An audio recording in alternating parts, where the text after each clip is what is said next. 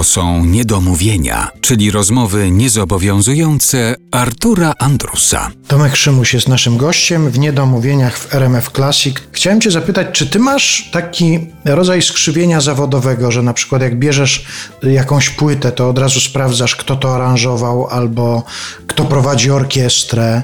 Twoje nazwisko ludzie kojarzą z orkiestrami, z prowadzeniem orkiestr na wielkich festiwalach, w dużych e, programach telewizyjnych, a ciekaw jestem, czy wśród tych takich nazwisk, które pojawiały się kiedyś, właśnie dyrygentów prowadzących takie orkiestry, masz jakieś swoje autorytety, ktoś do kogo się odwołujesz? To znaczy ja mam takie wielkie autorytety, Leonard Bernstein, dla mnie to był człowiek, który nie dość, że świetnie prowadził, to jeszcze kształcił.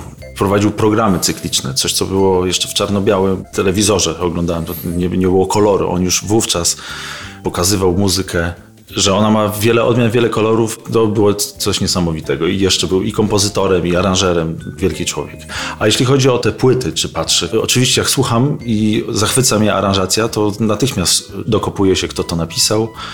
Staram się to przeanalizować. Niestety nie mam takiego zachwytu nad muzyką, jaki czasami zazdroszczę ludziom, którzy potrafią się zachwycać i tylko myślą, że jakie to jest piękne i chłoną to emocjonalnie.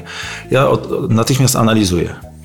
Oglądam film, słyszę świetne trąbki, ktoś świetnie gra, od razu analizuję i przestaję oglądać ten film. Skupiam się na muzyce na jakimś trzecim planie, który akurat się dzieje akcja w filmie. Bonda oglądałem na przykład, a w tle była muzyka Michela Legranda.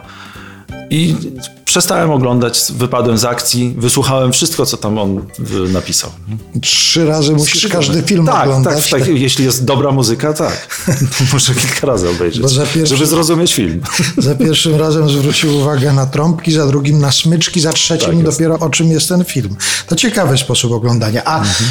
W dzieciństwie, gdzieś tam będąc w Bartoszycach, no nawet w tym czarno-białym telewizorze, albo może nawet jak już kolorowy był, oglądałeś też te nasze festiwale Opole, Sopot.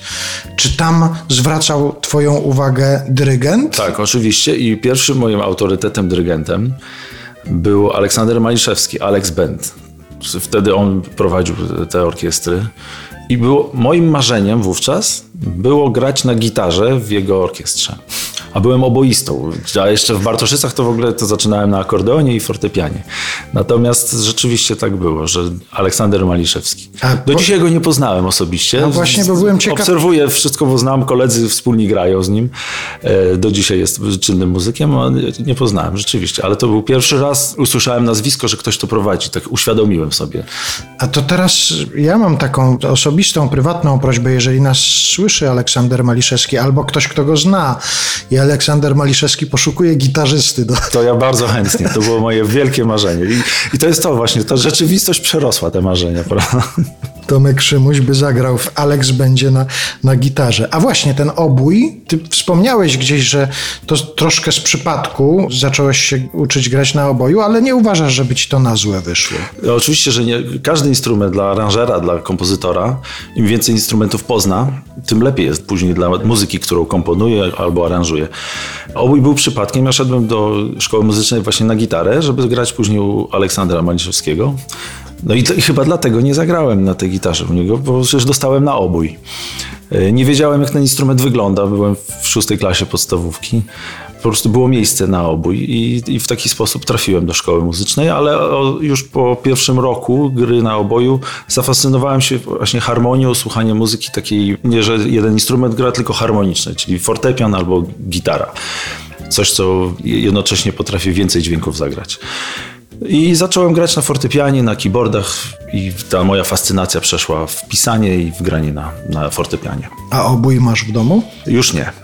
Ale skończyłem ten obój, właściwie jestem dyplomowanym oboistą. Mogę grać w orkiestrze jako oboista.